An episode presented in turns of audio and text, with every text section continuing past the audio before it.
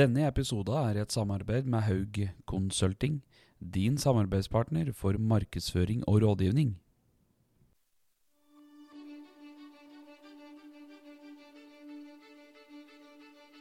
Gå veien sammen med dem. Og være en omsorgsperson, være en støttespiller, være en uh, voksenperson, være en kompis, være en bror, en søster. Altså Vi skal ikke gjøre jobben for dem, vi skal gjøre jobben sammen med dem. De skal ha delaktighet i eget liv, da. Og det er jo absolutt kjempeviktig i det du driver og blir voksen. For uh, idet du blir 18, så er du jo på en måte voksen. Men uh, vi skulle an- alle kanskje ønske, når vi ble 18, å ha en litt sånn kompis og støttesetter som har vært der før, da. Ikke være redd å stille ungene dine det spørsmålet. Eller gå og mistenke over lengre tid og bygge opp masse aggresjon eller uh, uvitenhet om hva som foregår om kvelden. Bare ta det med en gang. Du hører nå på Team Up podkast. Mitt navn er Espen Haug, og i et samarbeid med Team Pelse AS har vi nå laga denne podkasten nettopp for deg. God fornøyelse. Yes, yes, velkommen, velkommen. God dag, god dag, god dag. God mandag. Som vi pleier å God si. mandag! Uh, ny uke, nye muligheter. Mm. Ny gjest. Og ny gjest. Yay. Velkommen, Stian. Takk, takk. Kommer langveisfra, du. Kommer langveisfra. Du kaller det det. Det er litt Ja, langveisfra. det er det. Ja. I Oslo-området. Kommer fra Drøbak. ja. Vi hadde en stor diskusjon der om urbane totninger. Ja. Men han er urban, han Stian i hvert fall. Ja, Ja. Og ikke hørt om urbane totninger, da. Nei. Det er litt uvant for oss. ja. Jeg har hørt om bønder da, fra Toten. Ja. Kjenner du noen? Nei, jeg har bare hørt om det. Ja. Hørt rykter. Ja. Ja. Eh, vi, uh, vi kjenner hverandre litt fra først igjen. Ja. Uh, jeg jobba i Drøbak-området i ti år. ja. Og der hadde jeg, jobba jeg med en med, i rusinstitusjon. Og vi trente jo to ganger i uka på treningsstudio. Ja. Og det er der vi var kjent, egentlig. Ja. For du var jo en sånn eh, figur som alle la merke til på det treningssenteret. Ja. Du gikk jo rundt og snakka med alt og alle. Så da kom vi i prat der, da. ja. Og så syns jeg alltid det er veldig kult med litt sånn eh, annerledes folk, da. Ja. Så det tiltrekker meg litt. Jeg syns det er litt spennende å høre andres livshistorie, på en måte. Som har gjort litt andre ting. Ja. Om det er på godt eller vondt. Jeg husker det var det du begynte å snakke med meg om. Du Ja. kom jo bort og spurte om det der, For jeg skiller meg litt ut Ja. eh, innimellom, da. Ja. Så jeg husker det var derfor vi kom i prat, husker jeg. For Ja. det var litt sånn nysgjerrig. Og du er nysgjerrig av natur. Er veldig nysgjerrig. Og så har jeg alltid jeg er liksom Skulle jeg vært kriminell, skulle jeg vært bankraner eller gangster. Jeg syns jo det er veldig sånn kult, liksom. Så når jeg ser folk som er litt sånn Du har liksom tattiser i trynet og liksom er litt sånn kul, da. Mm. Så blir jeg liksom Syns det er litt kult. Ja. Men du er også en sånn fin fyr. da, Når du kommer inn her, så tar du rommet. Ja, men det er hyggelig, da. Blid og omgjengelig og jordnær og Ja, ja, lett å prate med. da. ja, jeg føler liksom at uh, man ikke skal dømme Det er veldig mange som dømmer hverandre ut ifra et utseende, da. Mm. eller hvor man er i livet. Men uh, det er kanskje de som uh, man dømmer mest, som ofte har den beste historien, egentlig. Mm. Sånn at man burde ta seg tid til å høre dems historie. Det er mye innafor permen. Ja, det er sånn når jeg går i Oslo og ser en som sitter ute, kanskje det de kaller en uteligger eller heronist, da, og snakker med han. Kanskje høre hans historie. Så er det ganske De har ikke alltid vært der i livet. De har kanskje vært på toppen der folk liksom Å, fy fader, dit har jeg lyst til å komme.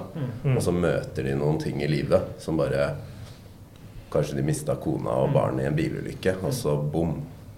Det var jo med en i Petter Uteligger som hadde den programmet som gikk på TV-en, som hadde sånn svært uh, business, holdt jeg på å si, noe bilopphøggeri og var Mm. millionær. Ja, ja. Nå er han heroinist på gata, så det er liksom Mm. Det er, eh, det er er alle, alle historier, holdt jeg på å si. Ja. Det er kontraster, ja. Men jeg jobba jo med de ungdommene, som sagt, og du, du begynte egentlig å involvere deg ganske tidlig i dem òg. Så du drev og tilbød dem å kjøre dem til og fra, og de, de hekta seg på det med en gang. Da, for her så de en sånn fribillett til å komme seg på trening litt oftere enn det de ga dem lov til. og sånn, For det, det var greit hvis du henta dem, liksom.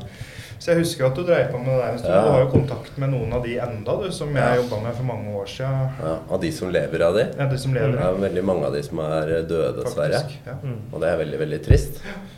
For det er unge, fine gutter som bare har havna litt på skråplanet. Mm. Mm. Ofte tror jeg det er folk som er veldig følsomme. Mm. Gutter spesielt, da. Fordi at gutter ikke alltid kan f- Det er liksom ikke rom for at vi kan snakke om følelser. Så derfor så er det mye lettere å søke noe som gjør at du kan døve, døve det og bare gi faen. da. Mm. Mm.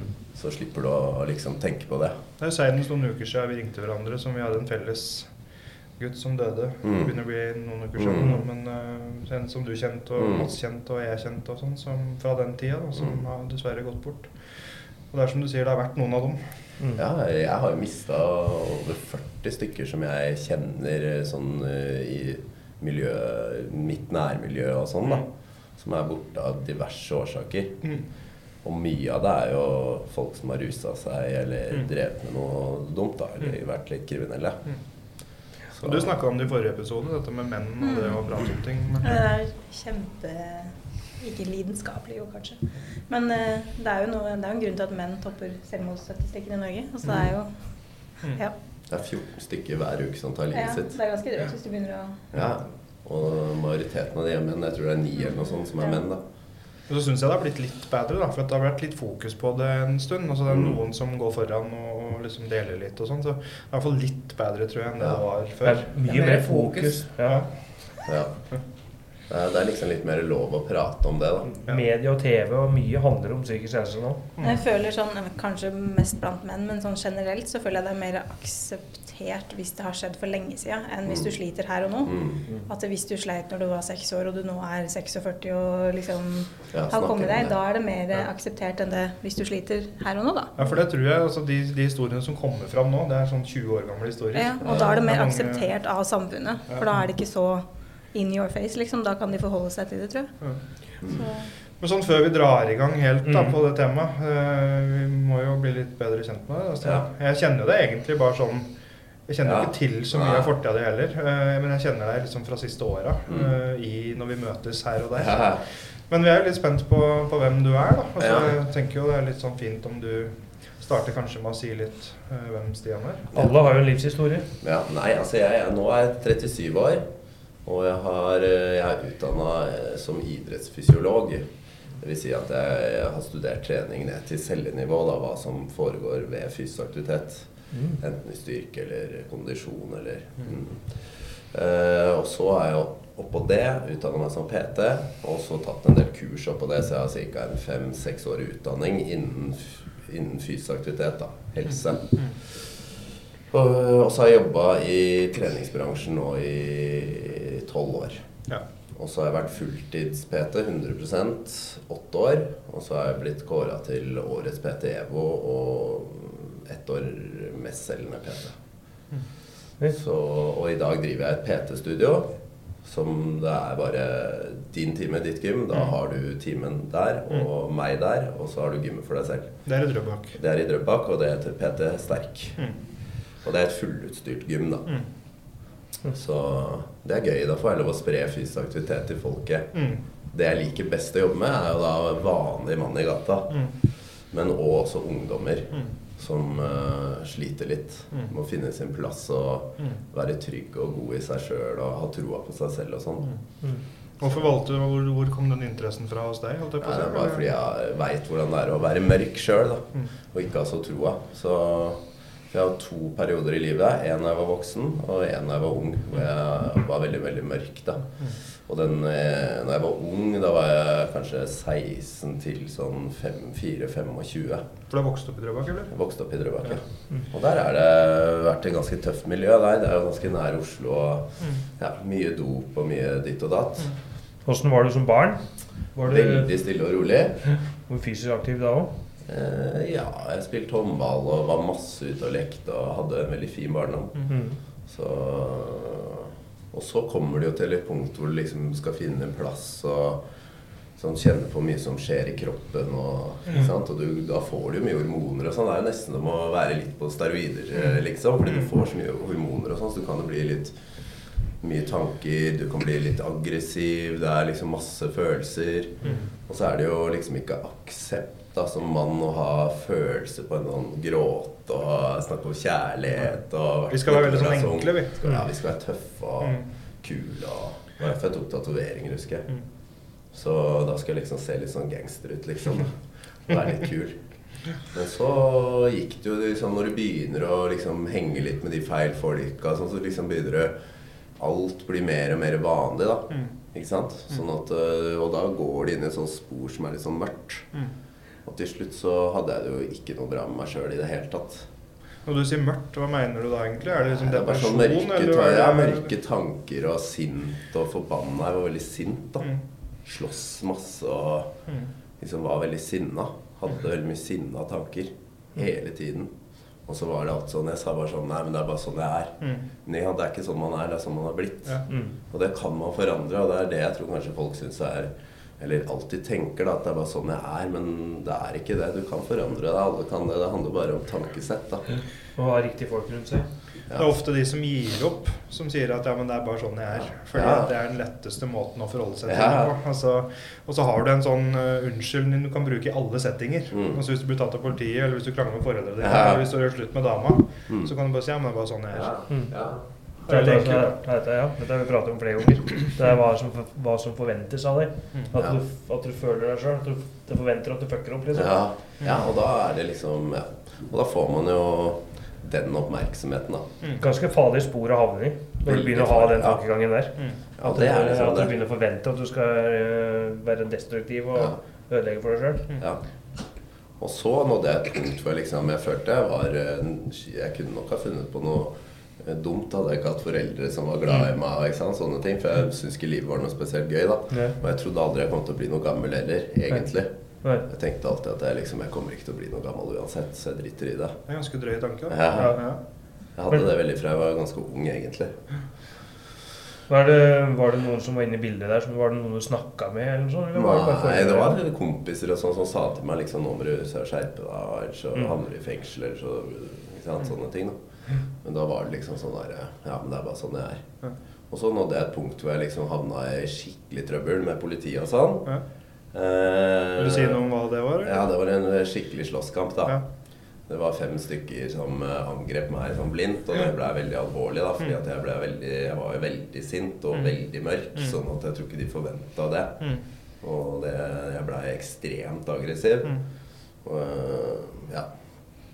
Så det gikk dårlig med de. Og da følte jeg liksom jeg hadde ødelagt Nå skjedde det, liksom. Mm. Og da var det snakk om at jeg kunne få to år i fengsel. Da. Mm. Og da gikk jeg sinnemestring. Mm. Eh, Da begynte jeg på sinnemestring i, i Telemark, da. By own choice, eller? Hmm? Nei, jeg var hos advokat da jeg var eh, eh, hos eh, advokat Elton og sånn, og da sa de bare det at eh, her er liksom Du har så mye vitner som har sett deg med Mm. ja, utføre det du har gjort og sånn. Mm. Eh, sånn at det er ikke noe vits å, å ljuge på det, så du må bare være 100 ærlig. Mm. Ikke ljuge på noen ting, for da mister du all troverdighet. Så bare vær helt ærlig på alt. Mm. Og så går du i sinnemestring, og det tenkte jeg at eh, Ja. Det må jeg gjøre, for jeg orker ikke å ha det sånn mer. Ja. Så da gikk jeg i sinnemestring. Mm. Og da begynte jeg med folk som banker kona si og unga sine og sånn. Så det følte jeg liksom eh, Og da sa jeg det veldig tydelig. At eh, sånne som dere har jeg ikke lyst til å banke opp. Så jeg vil i hvert fall ikke bli assosiert med sånne som dere. Men jeg Mm. kan akseptere at vi har et likt problem. Mm. Men jeg ville aldri ha banka kona mi eller barna mine. Mm. Så, og så slutta den ene etter den andre, så til slutt så var det bare meg igjen der. Så da hadde jeg to terapeuter da, som hjalp meg. Og den ene het Gunnar, husker jeg. Og han hadde vært med på Robinson. Ja. Første tror jeg sesongen der, Robinson. da. Og så, på to måneder, med de teknikkene de ga meg, sånn, så kom jeg jo mye lenger enn det jeg hadde trodd. Mm. Så tenkte bare, Jøss, var det så lett, liksom? Ja. Så tenkte jeg, men da bare fortsetter jeg. Mm. Husker jeg skrev lapper til meg sjøl. Jeg begynte med andre ting. Ja, ja, da. Så jeg blei jo så positiv. Så du var villig, da? Du tok Ja, imot? ja, ja. Du, du tok Ja. imot, ja? Ja, for da var jeg åpen for endring sjøl. Mm. For jeg skjønte at dette funker ikke mer. Nei. Det er sånn Det er sånn som vi også sier, at du får ikke hjelp noen som ikke vil ha hjelp. Nei.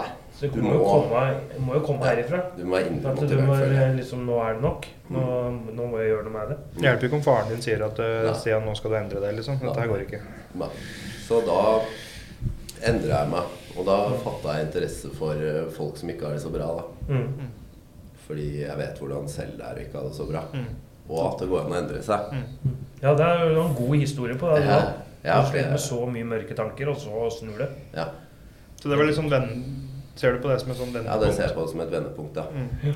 Så etter det så har det vært veldig bra. Fram til eh, i fjoråret så var det, hadde jeg det veldig veldig tøft med meg sjøl. Mm. Og det føler jeg kanskje var verre. Fordi at da er du voksen. Du forstår liksom tankene dine mye mer. Mm. Sånn at uh, å være så mørk som jeg var da, det er ikke noe ålreit. Har du tenkt noe på hva det Nei, det var hvorfor, det hvorfor det blei sånn? Nei, jeg bare blei mye det året. Jeg ble plutselig fikk jeg beskjed om at jeg skulle bli far.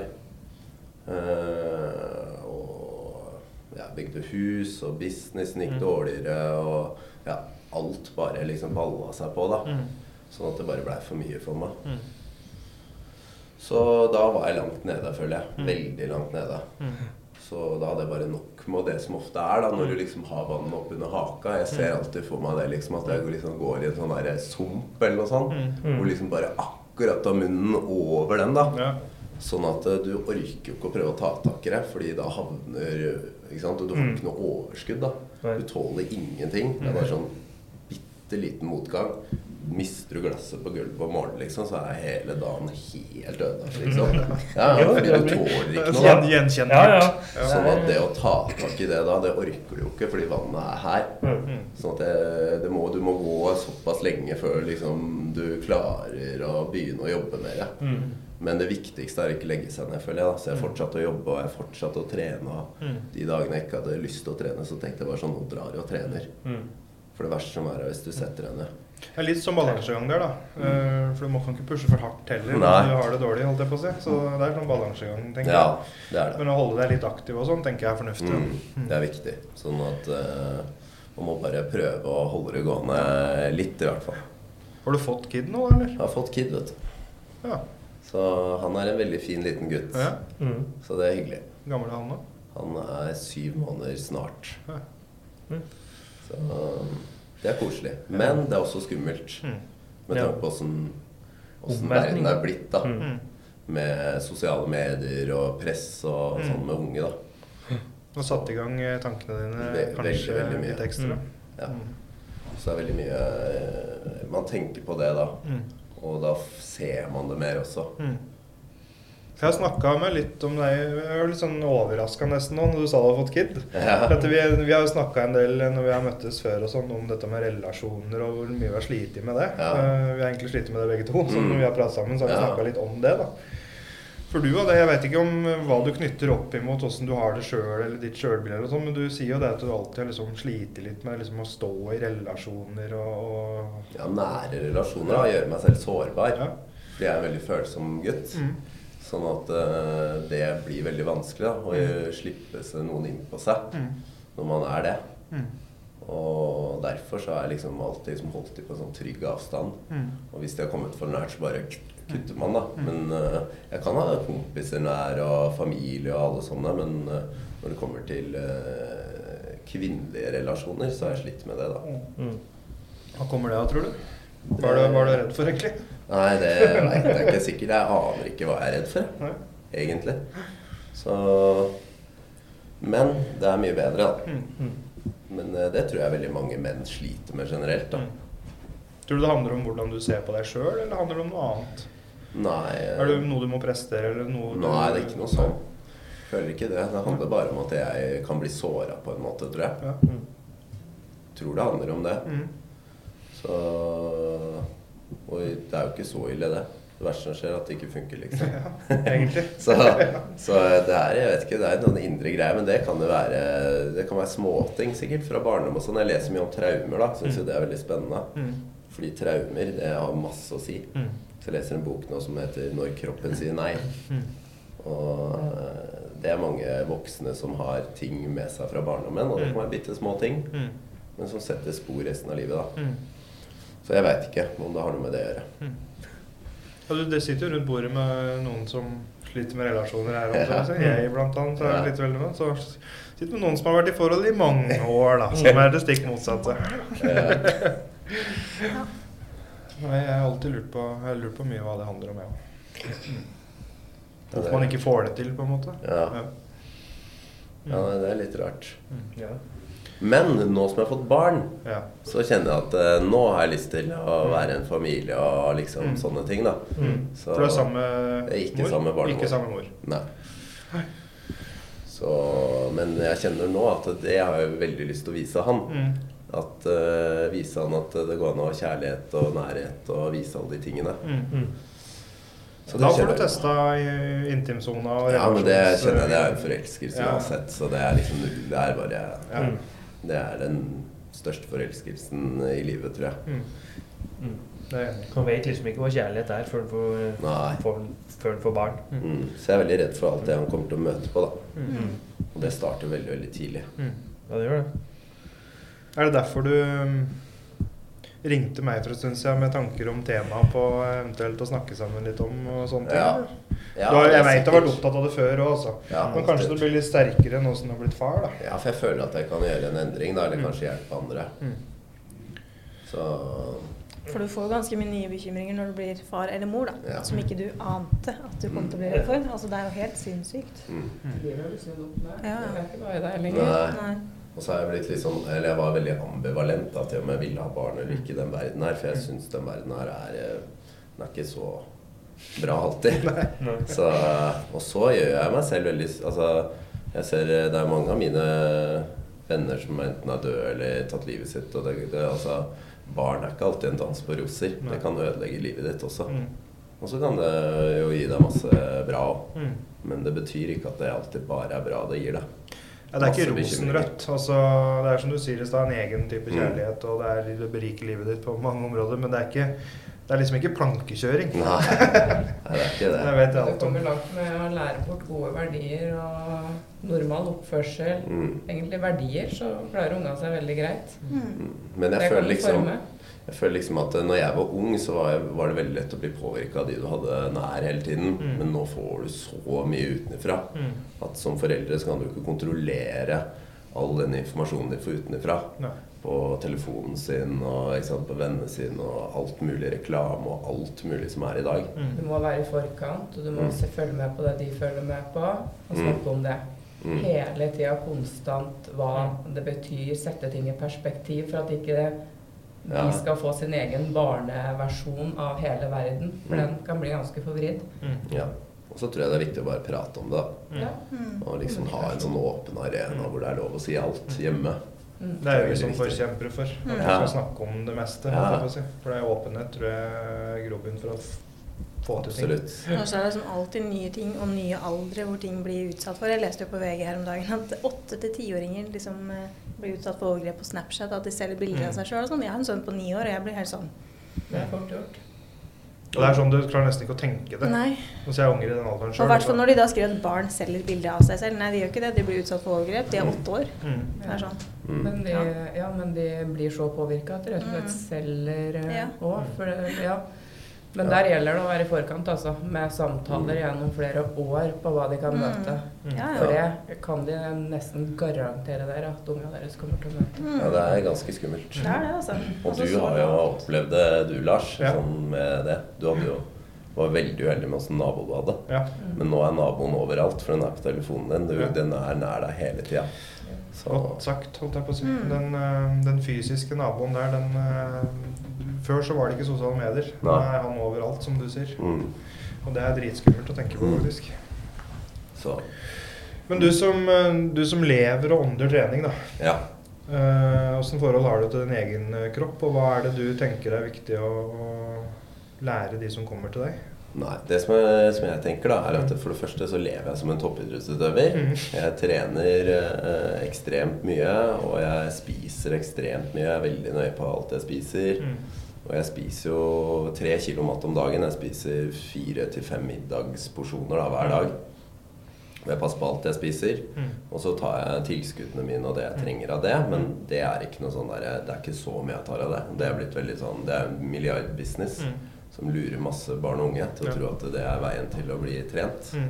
Det er det ikke. Nei. Men uh, mitt forhold til kroppen blei sånn at uh, jeg syntes ikke det var noe gøy mer, for jeg fikk aldri den kroppen jeg ville ha. Mm. Sånn at mitt kroppsbilde Mm. er jo forvrengt. Ja.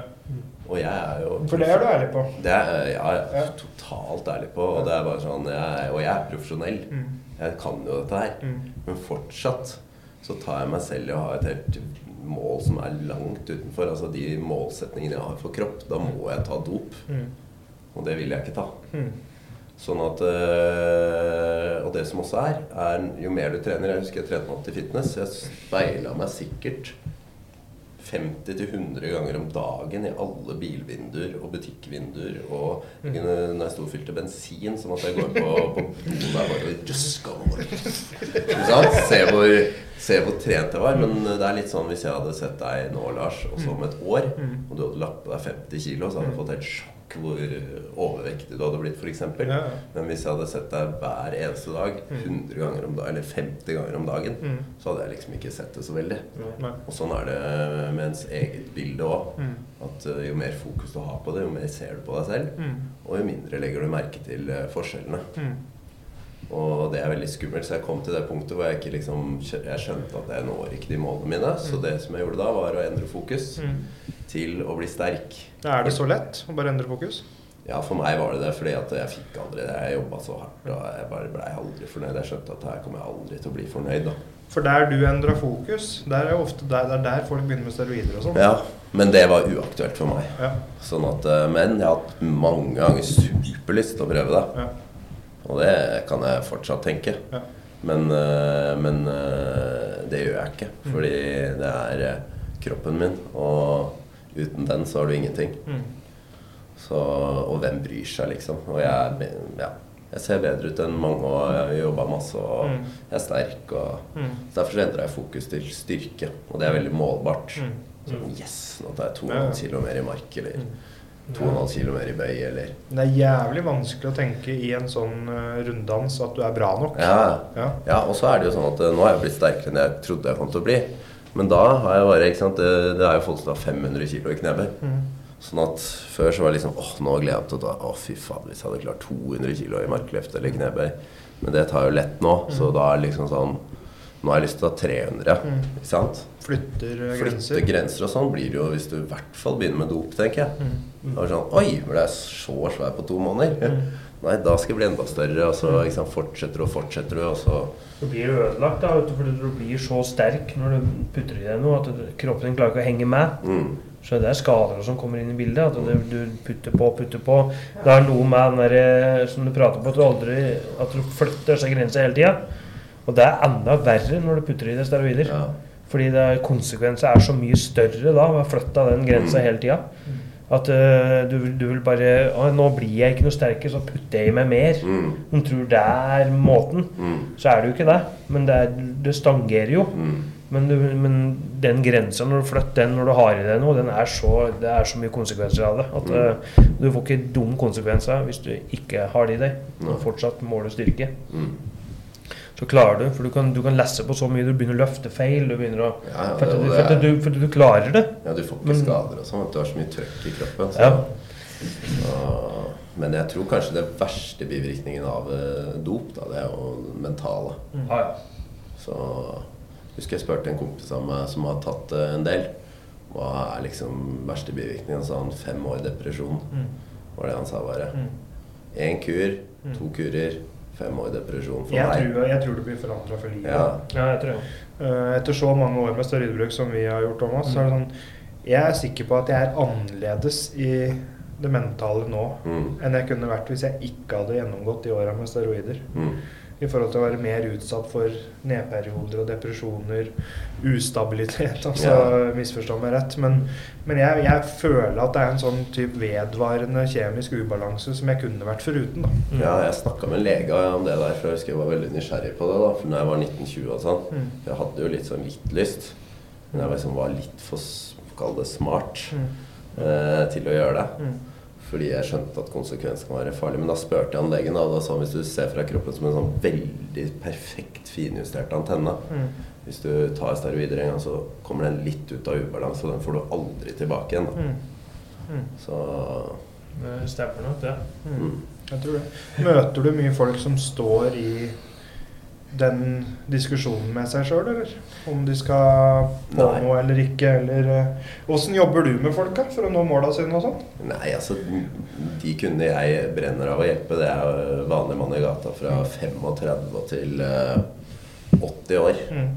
Sånn at eh, jeg møter ikke de fordi de bryr seg ikke så veldig mye om, om det med lenger. Mm. Og det er litt sånn man skal tenke på. Er at det er en veldig kort periode av livet hvor det betyr noe å være kul. da. Mm. Det er vel liksom, Hvis du ser en hvis du har 100 cm, så er 10-12 av dem barndommen din. Da betyr ikke det så mye. Og så har du kanskje 10-12 cm som er ungdomslivet ditt, hvor, du, hvor det har noe å si å være kul, eller Mm. Ikke sant? Mm. Og så er det igjen kanskje 75 cm hvor du skal være voksen. da. Mm. Og hvis du da har vært litt dum i de 10-12 cm, og det påvirker de resterende 75 av livet ditt, Mm. så er det ikke verdt det. Nei. Så Det er vanskelig å tenke sånn når du er ung, da. Det er veldig For dette, da er du veldig her og nå. Og så er det Ja. om gjøre, jeg skal se sånn ut nå. Ja. Og så skal jeg være brun nå. mm, Og så skal jeg dra damer nå. mm. Og så skal jeg ha svære biceps nå. Ja. Alt er nå. så- om deg i en periode i noen år, Mm. så er egoet ditt så stort. Ja, jeg vet det. Altså, du er jo ingenting Du tror at alle kan bryr seg om hva du gjør og Mm. ser på deg, og så er de egentlig opptatt med seg sjøl, for at de jo tenker det samme. At alle tenker åssen jeg ser ut, men det er ingen som bryr seg sånn Nei. egentlig. Nei. Ja, så er det veldig lett å se på alle andre rundt og tenke 'Å, så bra de har det', liksom. Mm. Ja. Sånn skal jeg da, eller og Mm. Det er så lett når du ikke har det bra sjøl, å se på andre og tenke at de har det så bra. Mm. Du klarer ikke å reflektere at det ikke er sånn egentlig. Jeg ser jo at jeg har jo fått, uh, fått dame og unger jeg uten å bruke steroider. Ja, tenker. Ja. Det er ikke verst, det. Nei. Nei. Nei, ikke jeg. Jeg mis- jeg mista alt der fordi jeg slutta. Føler seg lurt. Ja, Ja, Kanskje du kan reklamere? Hæ? Kanskje du kan reklamere? Reklamere, ja. ja. det var tull. Men Miste ungene sine var feil å si, men, men, men damer men, ta- Mm. ja. Mm. Nei, men det er eh, For at vi snakker mye om dette For jeg tror at samfunnet i dag handler så jævlig mye om sammenligning. Mm. Og det handler ikke bare om kropp, men det handler om penger, og det handler om jobb, og det handler om skole, og det handler om klær, og det handler om hårfrisyre, og det handler om å være brun, og det er så det mange greier. Altså, vi sitter og sammenligner og sammenligner, sammenligner oss hele tida. Mm. Og det er jo en sånn problemstilling vi, eller vi, jeg ikke hadde i hvert fall da jeg var ung. Vi hadde jo ikke disse sosiale mediene og sånne tingene der. Mm. Så er det jo sånn der at du ser det her på sånne store stjerner rundt om i verden og sånn, som er liksom godt trent og alt mulig sånn. Men det er mange av dem også som legger ut at de er oppe klokka fire. ikke sant? Og har første økta si. Mm. Og har andre økta si når vanlige folk står opp. Men det blir bare De er bilder av dem i baris og sånn. Og ser hvor bra de ser ut, men det er aldri prat om jobben som ligger bak. Nei. Så det er noe med sammenligninga. At da er det folk som ser på det, og så sammenligner seg med det. Mm. Og så vet de ikke hva, hvor mye jobb det ligger bak. Ja, og de kan, ja, mange av de har tatt veldig mye dop for å komme Ja, ja. dit òg. Og så er det veldig sånn flott det livet de viser frem, men eh, det betyr ikke at de har det sånn. Nei. Jeg tror majoriteten av de ikke har det så veldig bra. Så bruker mange av de to millioner i måneden på PT-er og fem personlige PT-er som står og pisser om 24 timer i døgnet. Ja. Så det er liksom litt annet, men det tenker jo ikke unge på. ikke sant? Altså alt det, det er jo ingenting negativt med å ordne håret, sminke seg, trene fordi at han har lyst til å se bra ut, for han vil føle seg bra. Det er ingenting av det der som er noe negativt. Problemet er hvis at du ikke føler deg bra nok. Aldri kan gå på butikken med en bad hair day uten sminke fordi da tenker du at alle syns du er stygg og rar og liksom bare Det er som du sier. ha det bra med deg sjøl. Ja, det er sier, det er ingen som bryr seg. Nei. Gå på Ikea som et takras. Jeg er mat Mats. Det er Ja. ikke noe problem. Det, det finner jeg finner jeg ut når jeg er 40. Det tenkte Ja. jeg ikke når jeg var 17. Nei, nei. For det, det er egentlig ingen som bryr seg. Nei. Altså sånn, Hvis en sier det veldig sånn kort og greit, så er det, det er ikke så mange som bryr seg om åssen du ser ut. Nei. For folk bryr seg om seg sjøl. Ja. Ja, og ser du litt dårlig ut, så tenker de bare Jeg ser nå i hvert fall bedre ut enn deg. Ja. Så er det utretta noe godt. Men jeg da husker jeg ble sjuk i huet og drive med steroider. Så jeg trodde at hvis jeg droppa treninga en dag, så var bicepsen min blitt to centimeter Ja. eh, mindre. liksom. Ja. Så jeg ble helt sjuk i huet av det. Mm. Og det er jo, det er jo du sjøl som driver og fighter dine egne kamper oppi huet ditt. Mm. Det er jo ingen andre rundt her, som du sier, når vi går på butikk og sånn. Det er ingen som tenker sånn der, han der var sikker på han der ikke var på trening i går, for nå så han mye mindre ut enn han gjorde i går. Jeg syns sikkert du var ekstremt svær. Ja, det er det som er sannheten. Men det er jo altså Det er jo ikke noe mirakelkur heller. Altså Jobben må legges ned uansett. Det eneste er at du med, hvis du putter i noe, så blir du ødelagt av det. Ja. Og det samme gjelder hvis du lever som gangster eller lever og driver med dop eller hva som helst. Så er det sånn som du sier at du kan drive med det en stund, du kan tro du har kontroll på det, men du blir tatt. En eller annen gang så blir du tatt. Samme er det med steroider. Du kan tro du har kontroll, og du kan drive med det i mange år, men til syvende og sist så blir du sjuk, eller du blir ødelagt. Blir du Og 42, der, så og der, ja, og der, der slipper du ikke unna. Og det har noe konsekvenser, selv om du ikke tenker på det du er 17-18 år, så det kommer. Men det kan ta 10 år, det kan ta 15 år. Mm. Men det, det, du blir det og slutt. Og folk må skjønne at jobben må gjøres uansett om du putter i steroider eller ikke. Det eneste er at du, forutsetningene dine for å klare deg på steroider, den er dårlig. Ja.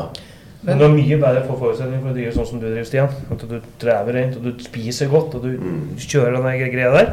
Jobben må gjøres uansett. Bare dropp steroider, liksom. For det er ødelegger deg mentalt. Men hva er egentlig greia med den der gedigne kroppen som egentlig bare ser helt oppblåst Det er en manneting som vi jenter ikke forstår. Men er ikke den litt ut nå? Jo, det er ut. Jeg veit ikke, men uh, hvis du ser disse her superheltene i filmer og sånn, så har de blitt mye større og større. Og Ja. mer og mer V-forma og større og større skuldre og bryst. Og, sånn at uh, jeg tror at uh, at det blir forbildene. Jeg har jo sett sånne superhelter på sånne gamle filmer. De var jo normalt slanke folk. Mm. Ikke svære som Thor og sånne filmer i dag. Så og det er jo det som blir idealet. Mm. Men jeg tror det er sånn guttegreie, fordi jeg husker jeg leste sånn for KK eller noe sånt, så var det sånn undersøkelse på hva som var liksom perfekte kroppen for kvinner. Og da var det sånn pappakroppen vant jo. Mm. Og det superhelta, de var jo langt ned på 1 her. Ja. Ja. Og jeg da har sånn en mentalitet nå at det er, det er ikke noe pent lenger. Før så var det kult å være svær. Men var det kult for damer eller for de Ja. andre gutta? Ja, det er Det er, det, det er akkurat det. Ja. Jeg tror det var for de andre gutta. Ja, det tror jeg også. Jeg har aldri brydd meg. Nei? Nei. Det, det er skremmende nesten. Eller sånn der Mm. Oi. Feeling too much. Ja, ja, altså, Ja. tror jeg, jeg tror det. Men jeg tror også at uh, damer også syns det er ubehagelig å ha en så kroppsfiksert mann som ser så bra ut også. At de ikke føler seg så vel, da. Sånn at eh, jeg tror de føler seg mer komfortable og vel med en som kanskje ikke er så trent, da. Man krangler om spotlighten med mannen din, liksom. Ja. Så var det jo sånn der når vi, når vi, når vi brukte, så var det aldri prat på sånn sixpack og være ribba og sånne ting. Du var bare svær. Og jeg tror hvis du bruker steroid spesielt, da, så er det lett å bli stor. Ikke sant? Se stor ut når du har på en hettegenser, liksom. Men nå, sånn som nå, så skal du bli stor. Du skal òg trekke all vannet Ja. ut. Så jeg tror det er sånn er farligere for organer og sånn nå. Fordi før så ble det bare størst så stor du kunne bli. Mm. Men nå tar de òg preparater for å bli ribba i tillegg til besvær. Så det blir liksom enda hardere bruk nå i dag enn det var eh, på det- den tida. Og ser hvor ødelagt vi ble bare med det Ja. Og så, Og dere fikk vel antageligvis i hvert fall tak i noen varer som var kanskje fra apoteket. ja, Og det får du ikke i dag. Det Så er nå kan du bare gå inn på nett og bare bestille, og du får det i posten tre-fire dager etterpå, og du aner ikke hva du får. Jeg husker på slutten at det begynte å komme mye sånn utblanda dritt. Eller, ikke? Og Folk havna jo faen meg på sjukehuset med organsvikt. Og det var jo Absesser og sånn, så det kan du kan jo ende opp med å måtte amputere beina. ja, Men jeg husker i hvert fall, Hvis jeg skal ta meg sjøl, så husker jeg uh, mye av den der treninga og steroidbruken og sånn jeg gjorde, det var pga. et helt ræva sjølbilde. Mm.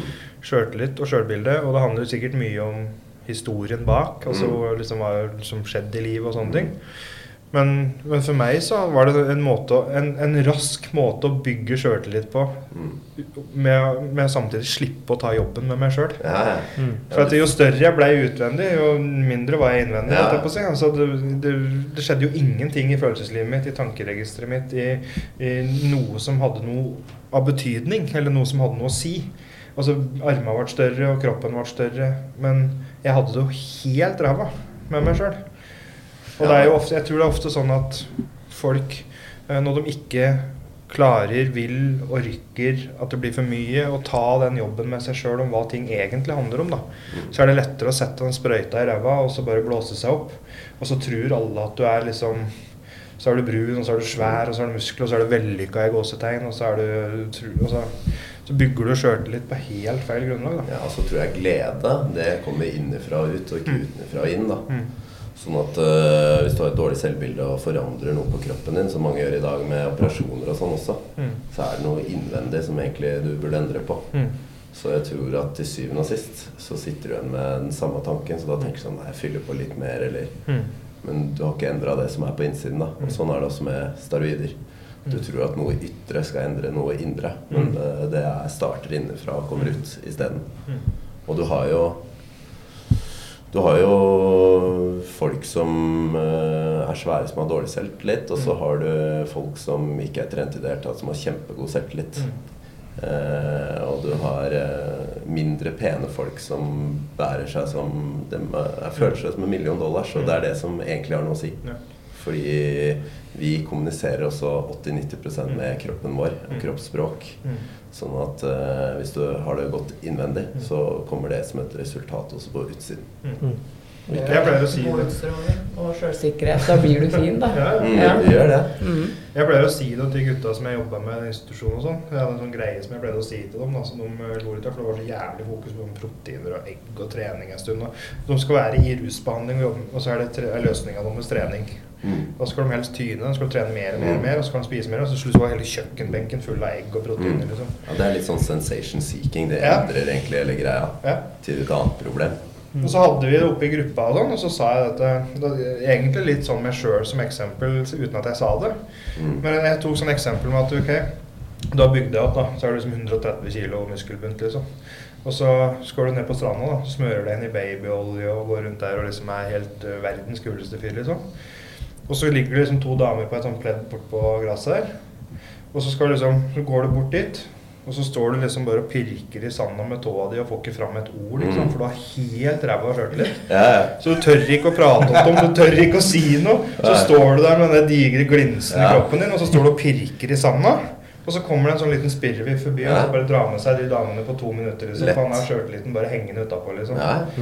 Så er sånn, er, hva er poenget med den der kroppen da? Hvis du skal bygge sjøltilliten din på det, så går- klarer du ikke å prate med folk engang. Altså, du klarer ikke å ha en uh, samtale. Du klarer ikke å Hva er poenget da, liksom? Nei, jeg tror det kanskje også blir verre, fordi du trodde det skulle bli bedre. Ja. Mm. Og så ble det ikke det, så det ble enda verre. Sånn Ja. som du sa. Jo større jeg ble, jo mindre ble jeg innvendig. Ja, fordi at når du vokser og vokser, så vokser også forventninga til Mm. deg. For folk tror og mener og ser. Mm. Og da legger du enda mer press og forventninger på deg sjøl. Og så blir sjøltilliten din enda dårligere. Ja, den gjør det, så det er veldig, veldig trist, da. Ja. Mm. Og sånn er det jo med, med En kompis av meg sier det, som har rusa seg mye.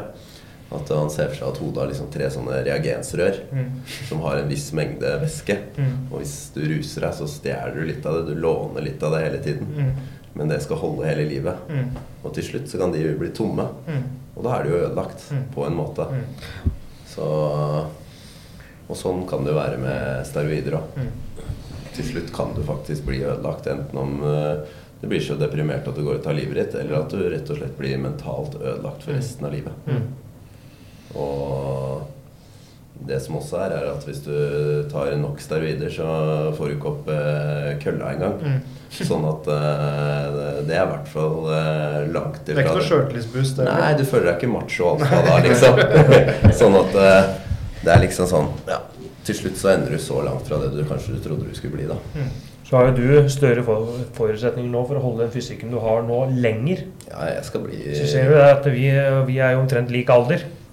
Hørte Ja. Og du ser jo ganske god forskjell på det. da. Ja. Ja. Du kommer deg fortsatt ikke av senga, da, så det er Mm. ikke så gærent. På hvem som har brukt, og hvem som ikke har brukt. Mm. Du har ikke sjans til å opprettholde sånn den er inne på. Dette var vi inne på litt i stad, for du, du prata på det i stad, Mats, og, jeg òg kjenner på det. Dette med, for at nå begynner jeg, hvis jeg snakker med meg sjøl igjen, da, så begynner jeg å komme i en sånn alder der jeg egentlig bør tenke litt på helsa. Og så tenke litt på at det er magefettet og tenke litt på hjertet mitt og liksom sånne ting. Mm. Men med så mange år med steroider og feil fokus og den treninga der, så sånn som samme som deg, så jeg sliter som faen med motivasjon for å komme meg på trening, fordi at du har vært på et sånt nivå Mm. som du ikke klarer å strekke deg opp til noe mer, både pga. alder og pga. at du ikke bruker varer og steroider lenger. Men får du da mer lyst til å ta det òg, når du begynner å trene igjen nå? Når du liksom kjenner at det skjer jo ikke en dritt? Jeg føler meg ganske ferdig med det òg, Ja. men, men tankene streifer det Ja. jo. Men, men samtidig så det kommer òg liksom, Det er sånn fire unger nå, og det kommer en sånn alder som at hvis jeg begynner å trykke igjen nå, liksom, så tror jeg jeg dauer innen to Du er år. for gammel for Jeg er for gammel for deg òg, på en måte. Mm. Men jeg, jeg, men jeg tenker sånn der at jeg kommer ikke på trening uten. Nei. Og da velger jeg å droppe det. Mm. Men da Da- sitter, da- da da- sitter du jo litt fast i det Mm. Ja, ja. fortsatt, da. Men ja, ja, men uh, jeg kommer ikke ut av det. det For nå, altså, nå er jo fokuset på at du skal kunne være her for barna dine, f.eks. Ja. At du ikke du skal, du skal ikke bli stor nå, du skal bare komme deg ut av senga og klare å leke med det. Ja, ja, men da må vi finne andre alternativ, for treningsstudio er det, Jeg kommer ikke dit. Nei. Og jeg har ikke noe Jeg har ikke noe, jeg har ikke noe der å gjøre. Nei. Du kan være med meg og Tonje på aerobic Jeg, Jeg, jeg kommer aldri til å bli så sterk som jeg var. Ja. Så jeg har jeg vært her, og så skal jeg trene meg, skal jeg begynne på nytt, og så trene meg, og så aldri komme dit igjen. Da har jeg liksom ikke noe mål. Hva, altså Målet mitt bør jo være en bedre helse, jeg skjønner det. Mm. Men da er ikke tre treningsstudio og time med styrke for meg, da. Og der tenker jeg en problemstilling som er relevant med de som har brukt mye Ja. steroider og Ja. sånn. Fordi Det er jo det er jo eneste der det kommer ifra. Ja. Jeg begynte med vektløfting da jeg var ung, ikke sant? 13-14 år gammel, og kon Mm. konkurrerte i det. Mm. For faren vår drev jo med det aktivt. Men øh, så slet jeg med ryggen og sånn, da. Og Mm. måtte gi meg med det. Men det er egentlig kjempefint vet du, å drive med vektløfting og Ja, sånn. styrketrening er veldig, veldig sunt. Mm. Men så baller det på seg, og så begynte det, og så er hele dette her Alt er, øde, alt er ødelagt Mm. av det. Og det handler om det mentale som blir liksom forvridd. Mm. Ja, du får jo Ja, mye forbinder det jo med noe negativt, Ja, ja. da. Mm. Så Men det er, det, alt kan snus. ja, men jeg, jeg har ikke noe altså Så lenge jeg har den mentaliteten, så har jeg ikke noe der å gjøre. Ikke Jeg jeg. tror jo også at en som har hatt spiseforstyrrelser i livet, for du kan sammenligne det litt med det, da. Mm. Hvis det blir for mye fokus på mat igjen for en person som har hatt det, Mm. så er det Du er borte og liksom pirker i ting som ikke er så, Ikke er så veldig bra. positivt uh, lada for deg. Mm. Og det tror jeg kan vekke mye dårlig. Da. Men hvis, vedkommende er på 70 kilo, så har han vært 40, liksom, så begynner han igjen å tenke på liksom, kanskje jeg skal gå ned et par kilo og sånn. Ja. Da tror jeg at den Ja. veien er uh, farlig. Også. Men samtidig så er jeg litt sånn nyfiken på liksom å så begynne med noe som jeg ikke har drevet med før. Ja, det er Ikke noe kult. Crossfit, eksempel. Ja, altså, ja men begynt med, begynt med sånn begynt, holde seg litt i fysisk aktivitet. Jeg har jo sluttet å røyke og snuse nå. Mm. Men det har jeg jo aldri har, Jeg vet ikke hvordan livet har vært uten, ikke sant. Mm. Så der får du en bedre pust da, ikke sant. Mm. Og sånne ting. Så jeg har begynt å spille litt sånn padel og sånn. Så Holde seg i fysisk Mm. aktivitet. Og så må jeg finne noe annet å drive med. Mm. Noe som en føler at en kan mestre og bli bedre i. Mm. For at hvis jeg går på et treningsstudio, så blir jeg ikke noe bedre enn det jeg var. Nå må jeg prøve å finne andre måter å trene på, som jeg kan Mm. se framgang. Sette seg nye mål og strekke seg etter, Ja. som er sunt, på en Mm. måte. For jeg tror jo også at hvis du går innatt i for mye av denne treningsmentaliteten nå, så, så sniker det seg inn sånne usunne tanker. Du begynner å lesse på, du begynner å så, For det- alt det gamle Ja. kicker inn i hodet på deg. Og da blir det usunt igjen. Ja, det så du må ha veldig kontroll på de greiene der, tror jeg. Samtidig så har vi jo vi ganske mange ungdommer som ønsker å trene på treningssenter. Mm. Så jeg tenker at uh, hvis det er noe du kan ha som mål, da, så må det være å være der sammen med de og kunne vise de hvordan man gjør det. Det har jeg gjort, og vært med dem. Ja. Mm. Og, og kan bli med og, og øh, komme med anbefalinger og råd og alt mulig sånt. Mm, For trening er jo bra. Det her, altså, vi snakker jo om Mm. Hvis du snakker om steroidebruk, så er det ikke sånn at alle bruker. Nei, nei. Det er veldig mange som ikke gjør det. Men jeg sier ikke at trening er dårlig, men jeg sier Nei. at jeg må finne noen andre ting å drive med Ja. enn styrketrening. Men jeg, jeg hjelper med glede ungdommene Ja. innenfor dette med styrke. Og, og, Mm. for jeg har god grunnlag for å vite åssen ikke skal gjøre det. Mm. Teknikker og sånn. Mm. Det som er problemet i dag da, med styrketrening, er at resultatet som, de, som grunnen til at folk benytter seg av styrketrening, Mm. er jo ofte pga. at de ønsker en finere kropp. Mm. Mm. Og det er veldig farlig når du er ung, Mm. Fordi at eh, det er det som betyr noe. Mm. Og jeg som sier, jeg lever som en toppidrettsutøver. Mm. Jeg er ikke helt sykt trent, jeg. Og da lurer jeg på hva skulle jeg gjort da for å bli sinnssyk? Altså, og da måtte jeg ofra så mye Ja. At eh, jeg kunne ikke ha drevet med noe annet. Og sånn er det med alle som ønsker å bli best i noe eller god i noe. Og de kroppsidealene vi har, Mm. det er best. Mm. Det idealet er liksom Det er top notch. Mm. Så du nå dit Og alle som har nådd til toppen din nå, de har ofra alt. Så da måtte jeg ofre alt, da. Mm. Ja, for du, du sa det godt i stad. Sånn der med all den kunnskapen du har, og Ja. all den utdannelsen du har, og liksom drive med dette så mange år. Enda så kan du bale litt med sjølbildet Ja, ja. og måten, altså hvordan du skal gjøre ting. Og, sånn. Ja. og hvordan er det da for de unge som bare ser på fine kropper på sosiale medier og sånn, og Ja. ønsker å komme seg dit fortest mulig? Jeg Hvordan er følger jo sånne sjøl, og jeg begynner å bli sånn eh, Det er veldig mange som tar dop, så jeg veit snart ikke hvem er som ikke tar det, nesten. Mm. Av disse her på sosiale medier. Og hvis du leser i hvert fall eh, undersøkelser som har vært i Norge, så er det 3% menn som opplyser om at de har brukt steroider. Mm. Og da kan du jo luke bort ganske mange under 15 år, Mm. og ganske mange over 30 år. Mm. Så har du da 15 år.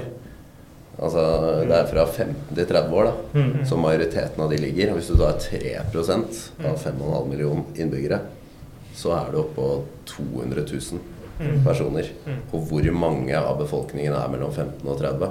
Hvor Kanskje en million. Da er det 15-20 da, Mm. Som tar steroider. da. Ja. Mm. Og det er, hvis det er så høye tall, så er det skremmende. For det òg tror jeg er Jeg tror ikke det, øh, det er flere aspekter. Vet du, for det er, Sjølbilde og kroppsideal og sosiale medier og hva vi ser og sånn, og sammenligne oss med, er én ting. Men én ting er liksom det presset som blir i ungdomsgjengen nå. Altså Hvis du har ti kompiser, da, Mm. og så liksom sju av dem, eller fire av dem, eller fem av dem bruker steroider, da, og begynner å selge inn det her til kompisene sine, og bra Ja. dette funker, Ja. og bra det er, og sånn, så blir det andre For det er lett påvirkelig når du er 16-17 år. Ja. Og så hører du på de der en kompis, og så ser du han kompisen din begynner å vokse litt, og så forteller han noe bra dette greiene her. Ja, og så, da begynner sjargongen. Og så begynner du å snakke snakke om det. Så er det liksom I sånne gjenger så er det sånn ja, Hva er det du tar da? Sånn som når vi snakker, så er det sånn jeg tar vitamin A og det. Så er sånn, jeg tar test og russere, eh, vekst og Å ja, gjør du det? Faen, åssen vekst har du? Ikke sant? Det blir sånn vanlig, da. Mm. Og da flytter man jo grenser hele tiden. Og så er det jo liksom, hvis du spør en, en suksessfull person om han har mye suksessrike venner, ja, det har han. Mm. Og du blir hva du henger med. Ja. Sånn at henger du med folk som tar steroider, så er det ikke så lenge til du gjør det sjøl. Og det vet jeg selv, med at før så tenkte jeg noe om noen, og så begynte jeg å henge med noen som gjør det. Mm. Og så begynner jeg å tenke det jeg aldri trodde jeg kom til å tenke sjøl. Mm. Men du blir hva du henger med. Vi er flokkdyr. Mm. Og så kan det hende vi bytter ut de vi henger med. Så Hvis vi har liksom kompisgjengen her som liksom er sånn eh, seriøse folk, og så detter jeg borti en tre-fire sånne bolere på gym og Ja. sånn, som er jævlig kule, liksom. Så begynner jeg liksom å prate mer og mer med de, og så får jeg liksom litt sånn input i hva Ja, de da holder syns du de andre gutta er nerder, Ja. de du hang med før, som var så kule før. Mm. Og det er skummelt også. Ja, det er veldig skummelt. Og så er det det som jeg tror med trening, da, det er jo det at folk er veldig forvirra. Hva er det som funker, og ikke sant, hvordan skal man trene? Og det blir jo promotert som at eh, det er sånn Tren syv minutter om dagen. Mm. Kom i superform Mm. på åtte uker. Det skjer ikke. ikke sant? Og så er det sånn Dette er de tre beste øvelsene. Mm. Og det fins ikke Det noen beste øvelse. Det fins jo ikke beste øvelser. Det sier jeg til alle. Fins ingen superøvelser. Fins ingen superprogram. Det eneste som fins, er hardt arbeid og riktig arbeid. Mm. Og det tenker ikke folk på. De kommer alltid til meg som 'Du, hva er den beste øvelsen?' Så jeg nei, det er alle øvelser. Mm. Egentlig. Men jeg kan i hvert fall si det at noen av de tar litt mer enn andre. Men avhengig av målet, så er det, kan det være alle. Viser ikke du fram en del sånne ting? Du har, på, du har TikTok, eh, TikTok og ikke? ja, Instagram og sånn, da. PT-Stian, var det? PT Stian heter jeg vel på Instagram, og PT, eller PT Sterk. Jeg husker ikke. Mm. kan søke på begge, tror jeg, så kommer jeg. For der driver du og viser litt øvelser, Ja. hvordan du skal trene riktig, og hva du skal Ja, gjøre. ja. Og, det er, og, og det er som jeg sier, du, tren det som motiverer deg. Mm. Det er det viktigste. Hva er det du syns er gøy? For de ting man syns er gøy, det gjentar man. Mm. Og det man ikke syns er gøy, det gidder man jo ikke å drive med så lenge. Mm. Eh, og så er det det prinsippet om progressiv overbelastning Mm. over tid. Dvs. Si at hvis du tok beinpress på 50 kg ganger 8 forrige uke, Mm. så prøver du 52,5 kg ganger 8 neste uke. Mm. Og så legger du sten på sten. Mm. Hvis ikke du gjør det, så når du ingen vei. Hvis du ikke har noen plan, så når du ingen vei. Og så det handler om å ikke trene for mye, Mm. ikke for lite. Mm. Passe på volumet. Mm. Og så er det å spise nok. Mm. Fordi at det er det jeg alltid sier til folk, at det negative, det skjer når vi trener. Mm. Fordi da går vi oppå der og så tenker de sånn Oi, Mm. hvis den veier 2,5 kilo lenger, eller mer, Mm. eller det tre, tre er tre meter høyere, så klarer jeg ikke å hente maten min. Mm. Så den blir redd. Og da tenker jeg sånn Ok, jeg må bygge meg litt sterkere, Mm. sånn at jeg klarer det neste gang. Mm. Uten at det er noe fare for meg. Mm. Men det han ikke veit, hvis du er smart, er at du legger på 2,5 igjen. Mm. Og så tenker du å fy fader, jeg er ikke sterk nok nå, eller? Nei, da må jeg bygge meg litt sterkere. Mm. Og det er jo der det negative skjer, hvor du skaper sår og rupturer i muskulaturen din. Mm. Skrubbsår, kan du kalle det. Mm. Og så, når du sover og spiser riktig, så gror du sammen. Det er restitusjonen. Mm. Det er det, der det positive skjer. Mm. Så hvis du dropper søvnen og maten, Mm. så gjør du egentlig bare det negative. Mm. Og steroider, det gjør at du øker restitusjonen. Mm. Så øh, det er det som gjør at du blir større og sterkere så fort. Ja, for det er egentlig steroidene, det, det er egentlig det du gjør. Mm. At du tåler mer belastning og restituerer fortere. Det er egentlig det som er hovedgreia. Og derfor er det jo sånn at programmene som ofte blir promotert i dag, er sånn Nei, nå kjører du biceps og rygg i dag. det er ikke egentlig sånn man kanskje burde trene. Fordi at de som gjorde det, de trente biceps og rygg klokka åtte om morgenen. Og så dro de på kvelden, og så trente de bryst og triceps fordi de var allerede restituert. Fordi de var så fulle av bol. Og det er veldig mange av disse her bodybuilderne som eh, drev og trente sånn før, og det henger litt med fortsatt. Men eh, å splitte opp kroppen kanskje i to er bedre enn å splitte opp i ti. Fordi det det handler om, at du burde gjennomkjøre kroppen to til tre ganger per uke. Ikke bare én gang. Fordi det er for lenge mellom hver gang. Så, og så er det jo kosttilskudd. Ja, noe funker, men eh, majoriteten, jeg vil si at 95% av de kosttilskuddene der ute, er som å ta penga dine og kaste det i do og trekke opp. For det tror jeg òg mange unge tenker at For der er vi på den der kjappe løsningen igjen. Ja, ja, At de tiden. bruker masse penger på sånne der, pro- Ja. altså, kosttilskudd og sånn, som du egentlig kan få med vanlig kost og vanlig mat. Ja, det, det funker ikke engang. Nei. Altså det er null effekt i det. Mm. Altså, Det er er generelt i samfunnet, syns jeg, så blir det mer og mer som mentalitet at en skal få Snarvei. mest mulig ut av minst mulig jobb. mm, Og det gjelder i ganske mange sammenhenger. I både jobbsammenheng. Ikke sant? Folk skal ha best betalte jobber, men de skal jobbe lite. Mm. De skal, men de, ja, de skal jobbe Ja. lite, men de skal tjene mye penger.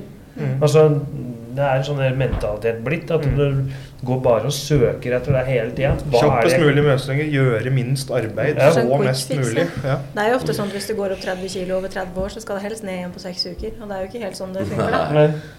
Du bruker jo litt tid på å gå ned igjen. da. Nei. Og så tror jeg, da, jeg vet ikke om eh, Men jeg, jeg, jeg tenker jo at trening egentlig bør være noe bra du tilfører livet ditt, eller en bonus til livet ditt fordi du allerede har det bra fra før. Mm, ja, det, Altså Du skal ikke bruke Altså, det har- til å få det bra. For, eh, no, noen gjør det også. Det blir litt sånn, eh, i, i det, når de er nede, så er det å gå tur og det å komme seg i aktivitet og det å trene og sånn kan hjelpe liksom å få ting litt opp igjen. Men jeg tror at, at trening skal være noe som gir deg energi, da, eller noe som Gir gjør noe noe bra. positivt. Ikke at du tvinger deg på trening for å få størst biceps, for det, vi konkurrerer om det i vennegjengen, liksom. Og så er det at du, kan, at du har det bra, som du sier, da, og har litt overskudd i livet ditt At det er veldig lurt å bruke det overskuddet på trening. Ja. Ikke sant? At du, som du sier, at du har dårlige dager, men det kan være lurt å komme seg på trening Mm. likevel. Mm. Men at du har en dårlig dag, betyr ikke at livet ditt er dårlig.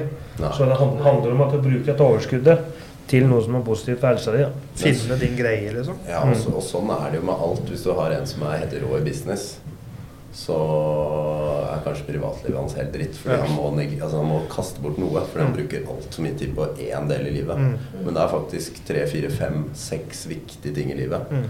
Og det er familie, og så har du venner, og så har du fritid, og så har du jobb, og så har du Ikke sant? Mm. Hvis du liksom bruker altfor mye tid på én ting, Mm. så blir balansen feil. Ja. Og da blir det kanskje mer negativt. Og da ser andre bare det òg.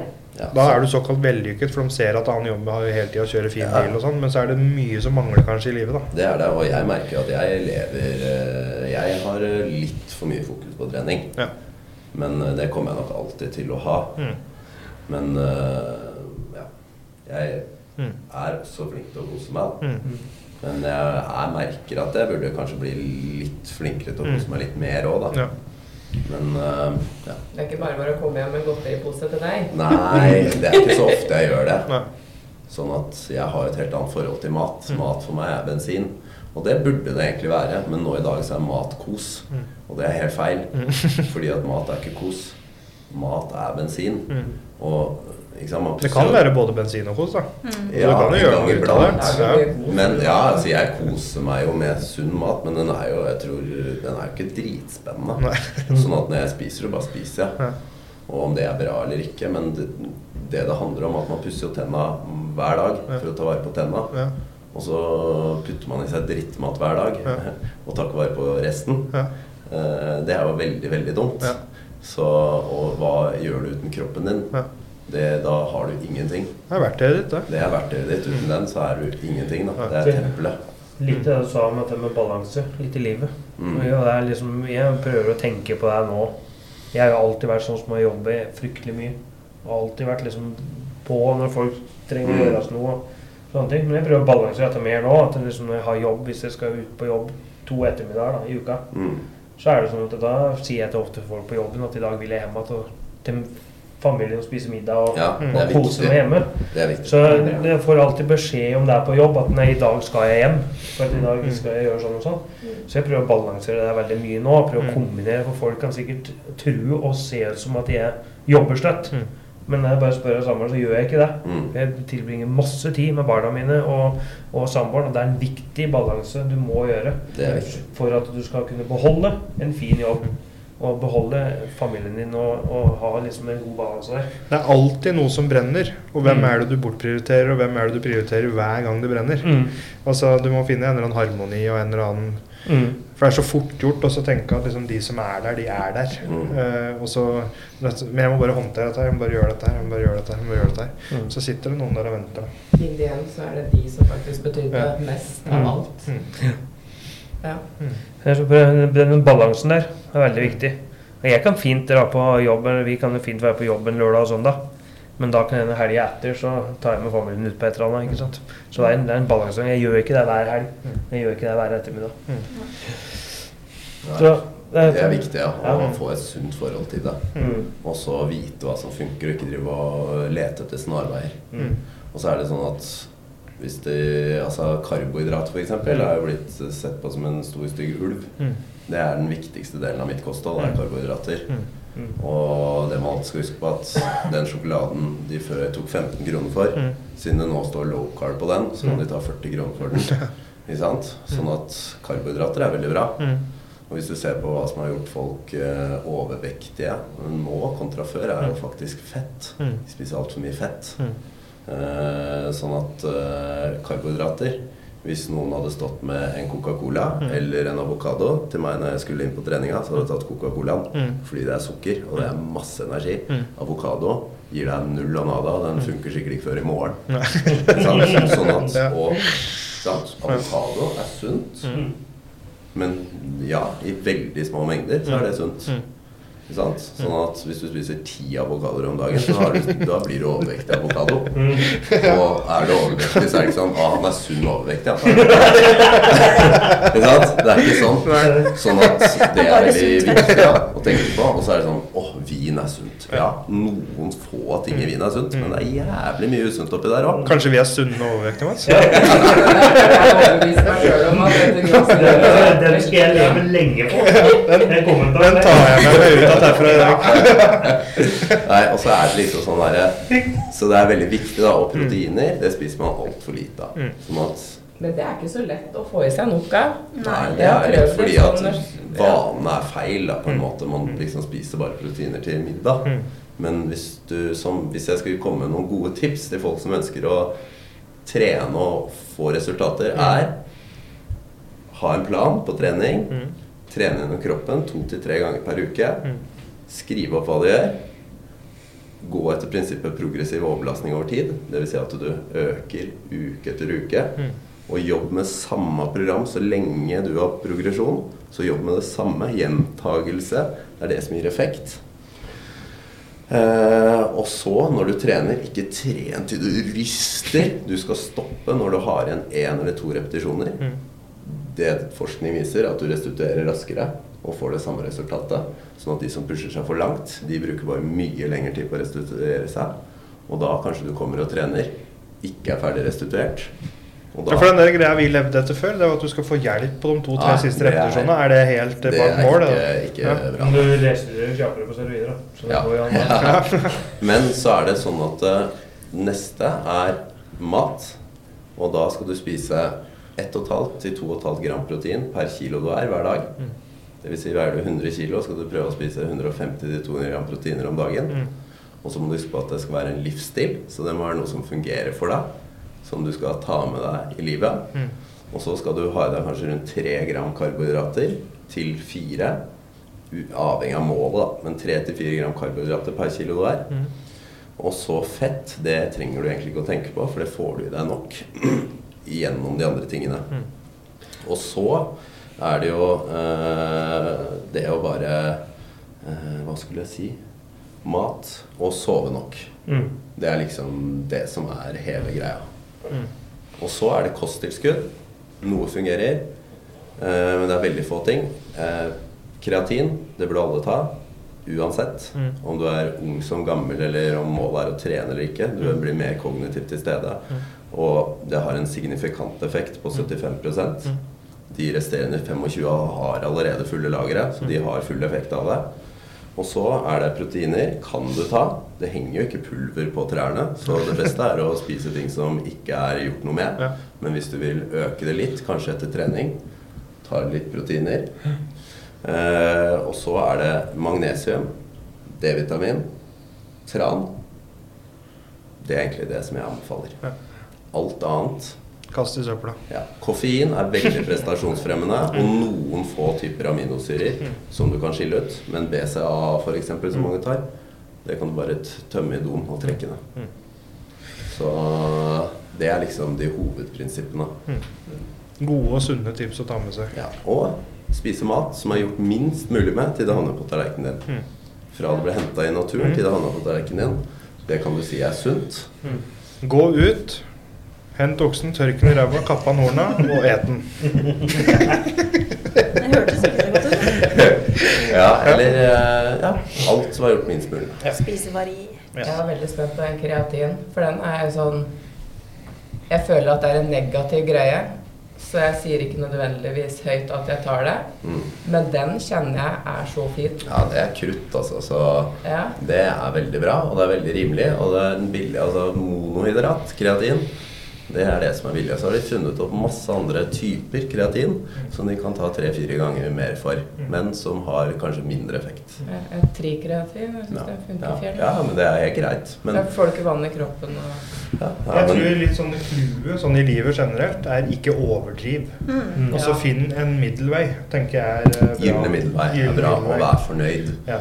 Uh, og ha heller fokus på styrke og tenke at det er en god investering uh, i langsiktig. Og at du skal ha det bra.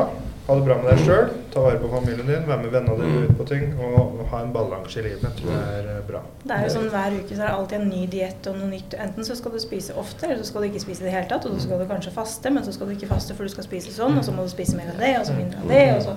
Det kommer jo alltid til å komme en ny kur eller diett, men bare Ja. Ja. Og det er mange, mange jeg spør, liksom som hvis jeg hadde spurt deg nå, da, Mats. Når var det du sa Må du bruke meg som eksempel? Ja, eller Marte, eller jeg kan spørre alle. Så er det sånn, når var det du sa noe fint til deg selv sist? Da er det veldig mange som tenker sånn «Ah, det- Så står de og tenker lenge siden. Har du ikke sagt noe fint til deg selv? da?» Nei, det har jeg ikke. Ja, når sa du noe stygt til deg selv? Nei, ja, det sa jeg i stad, det. Ja, så er det sånn Det er viktig å holde fokus på det òg. Mm, sant? Den viktigste personen i ditt liv, det er deg selv. Alltid. Fordi hvis du har det bra, så har de andre rundt deg det bra òg. Du kan i hvert fall spre mest mulig til de. Så det skal man alltid ha med seg. At den viktigste personen i sitt liv, det er en selv. Helt enig. Og man skal alltid si fine ting til seg selv. Og så skal man alltid stille seg spørsmål Hva ville jeg sagt til bestevennen min? For det sier jeg til mange når de er og trener hos meg. Så sier jeg Og så sier de sånn Faen, jeg får ikke til helvete, så ræva jeg er. Så sier jeg du hadde du sagt det til bestevennen din? Nei. Hva hadde du sagt da? Nei, da hadde jeg sagt du var kjempeflink og dritbra og kjør på. Og sånn. Så sier hvorfor sier du ikke det til deg selv, da? Nei, det er sant, altså. sant? Og det er veldig viktig, da. Og det husker jeg begynte med når jeg gikk i sinnemestring. Så måtte jeg skrive en lapp til meg selv hver dag. Og da skrev jeg sånn I dag skal bli en positiv og fin dag. Og det skrev jeg fem ganger. Og så la jeg den på nattbordet. Og når jeg kom hjem, så kunne jeg evaluere dagen. Og hadde den vært litt dårlig, da, så kunne jeg bare krølle den sammen og kaste den. For i morgen så er det en ny dag og en ny mulighet. Og da kan du starte på nytt. Og til slutt så manifesterer du det i hodet ditt. Sånn at, eh, og jeg leste det opp inni meg selv fem ganger. Fordi at det tar du med deg. Vi sa det i institusjonen noen ganger, utfordra noen ungdommer på å stå opp om morgenen. De står og pusser tenner, så kan de se i speilet så kan de si tre bra ting til Mm. seg sjøl før de går ned til frokosten. Og det syns mange var jævlig kleint. Mm. Og det er jo kleint. Ja, jeg elsker Men det. det Hadde noen vært inni meg, så hadde de syntes jeg hadde vært kvalm. Så jeg sier så mye fint til meg selv. Men det skal man huske på, det er ingen andre som hører. Nei. Ja, så det er bare Den indre stemme er superviktig, da. Men det er jo forska på at hvis du går på en smell tidlig på dagen, Mm. øh, og du tenker 'fader, nå, nå gikk den første delen av dagen litt dundas', banna bein resten av dagen. Fordi da er hjernen din der. Men hvis du på en måte tar f.eks. et glass melk, da, så er det sånn «Åh, Fader, den går min vei i dag, ass. Siste skvetten, den kom til meg. Og du gjør det med neste Å, tror du det er dagen din, eller? Bare det en bensin på bilen? Bare helt basic Mm. ting. Så begynner hjernen din å bare Alt går min vei. Men alt handler om fokus. Ja. Så det, det er liksom sånn der, eh, Det er sånn jeg alltid pleier å si det sjøl, fordi jeg fikk alltid bråk før. Mm. Det var fordi jeg så etter det. Mm. Det var mørk, Mm. så det var det fokuset mitt var på. Og så er det litt sånn, jeg sammenligner ofte det med hvis jeg går og ser en dritkul jakke, da. Fy faen, den var kul, ass. Den har jeg ikke sett noen ha før, liksom. Den kjøper jeg. Og så når du har kjøpt den, så begynner du å se rundt deg, så er det faen meg mange som har den jakka. Ja, fordi at da har fokuset ditt endra seg. Og sånn er det også med bil. Når jeg kjøpte en dritkul bil før, så er det sånn Den ser du ikke mye av. Den er fet, ass! Ja, og så kjøper du den, og så Å, fy faen, det er mange som har den bilen. ja, ja. Men ja, sånn er det hvis du også har fokus på at alle andre har det faktisk så bra, da. For det er veldig lett å tenke hvis du har det dårlig. Så begynner du å se at å, fy faen, alle har det så bra hele tiden. Eller Og så var det sikkert en plass du fikk den bilen ifra, og den jakka. Som man ikke som underbevisst har sniket seg inn. Jeg husker alltid før sånn fokus på sånne kjekkasser. Det var det verste jeg visste, liksom. Og jeg var jo den verste kjekkasen sjøl. Ja, men da, er sånn, da begynner du å legge merke til alle som er det. Sånn at det handler om fokus. Husk alltid på det. Nå vet ikke jeg hvor mange episoder fra oss du har hørt før, men jeg har ikke sånn veldig trua på det, for du har ikke hørt om Urban Totninger heller. Nei. Men på, på slutten jeg vil jeg kobla inn Espen, for han sitter og hører på. Og så få litt eh, meninga hans du Jeg er alltid eh, den første første som hører episoden vår. Ja, Ja, nei, altså jeg, det er et viktig tema. Veldig viktig tema. Jeg tror eh, jeg, Eller jeg vet at når du har bra med deg sjøl, så har de rundt deg òg bra. Så det, det kjenner jeg veldig at. Og eh, jeg bare tenker overfor personer som sitter i noen utfordringer, da, eh, så behøver du ikke gjøre så veldig mye med en gang. Men eh, du kan begynne med litt. Mm. For da vil du få mestring i det du begynner med, og kan utvikle det videre. Og da er trening veldig fint da, til å kunne begynne med. Om det er padel eller om det er styrketrening. Mm. At du starter med noe, Mm. tror jeg er viktigst. Mm. Så det, det var det jeg tenkte. Og så Lars. Sånn helt avslutningsvis så tenker jeg Hva vil du si til de ungdommene i dag som, eh, som sitter og scroller på sosiale medier 80% av dagen sin og sammenligner seg med alle andre og sitter og kanskje har det dårlig med seg sjøl dag ut og dag inn fordi de ikke er bra nok eller ikke ser sånn ut som han gjør eller hun gjør? Nei, det, er, eh, altså, det er veldig synd, fordi at man kan jo nesten ikke komme seg bort fra det. Sånn at Man får det servert hele tiden, men det man skal i hvert fall huske på er at det, er, det er ikke så, så flott som det ser ut som. Og de har juksa. Mm. Og du må rett og slett bare endre synet ditt på hvordan kroppen din kan bli. Mm. Fordi det går ikke an å bli sånn. Mm. Og det livet, i hvert fall for å kunne bli sånn, har du ikke lyst til å leve, for det er møkk kjedelig. For da kan du ikke gjøre noe annet. Nei. Og da er det jo på ting som er usunt igjen. Mm. Så hvis du spør en i- toppidrettsutøver om han har festa mye i livet, eller hatt det mye gøy, eller drept med mye Han har ikke, han har ikke noen ting. Han. eneste han har gjort, er det. Mm. Så ja. Det er liksom. Ja, så du må ha balanse, og bare tenke at det der kan man ikke nå. Umulig. Mm. Så vær fornøyd med deg sjøl. Spis sunt. Tren. Og følg Tenk de- positive tanker. Tenk positive tanker. Vær din største motivator. Mm. Og husk alltid at den viktigste personen i ditt liv er deg selv. Mm. Og bare ta vare på den best mulig. Og si fine ting til deg sjøl. Mm. Hver dag. Ja, ja. Det er ikke så lett, da, men man har ett liv og man har én kropp, så skal Mm. man prøve å ta vare på det. Mm. Hvis du hele tida går og liksom kjemper Jeg gjør jo det sjøl, da. Mm. Men hvis du hele tida går og liksom er eh, din egen fiende, så er det Mm. ikke kult. Nei, det er ikke gøy. Det er ikke godt å ikke ha det bra med seg selv. Det er veldig vondt. Jeg vil si uh, tusen takk for at du tok deg turen i. Stian. Det var gøy å invitere seg sjøl til Ja. Det er bra. Jeg håper du kommer tilbake en gang. Ja. Ja, ja. Og hvis det er noen som eh, ønsker hjelp fra deg, da, så finner de deg på, på Sterk i Drøbak. ja, heter Sterk. Ja. Og hvis de vil få noe bedre eller mer råd og veiledning og sånn, så finner de deg oppe på sosiale medier på Insta og TikTok. Råder til å følge Ja. PT-Stian og PT Sterk. Mm. Og det er bare også å spørre hvis det er noe dere lurer på. så kan vel folk sende inn spørsmål til også. Det kan vi gjøre. Ja. På sosiale medier eller på teamofhelse.no. Ja. Konge. Skal vi ønske alle super uke, da. Ja. Yes. Og vi får se oss i speilet alle sammen og si at vi er bra nok. ja. Mm. Og husk at eh, den viktigste personen i vårt liv er oss selv. Ja. Ja. Yes. Nei, men supert! Yep. Vi snakkes neste uke. Det gjør vi. Ha det. Ha det. Ha det.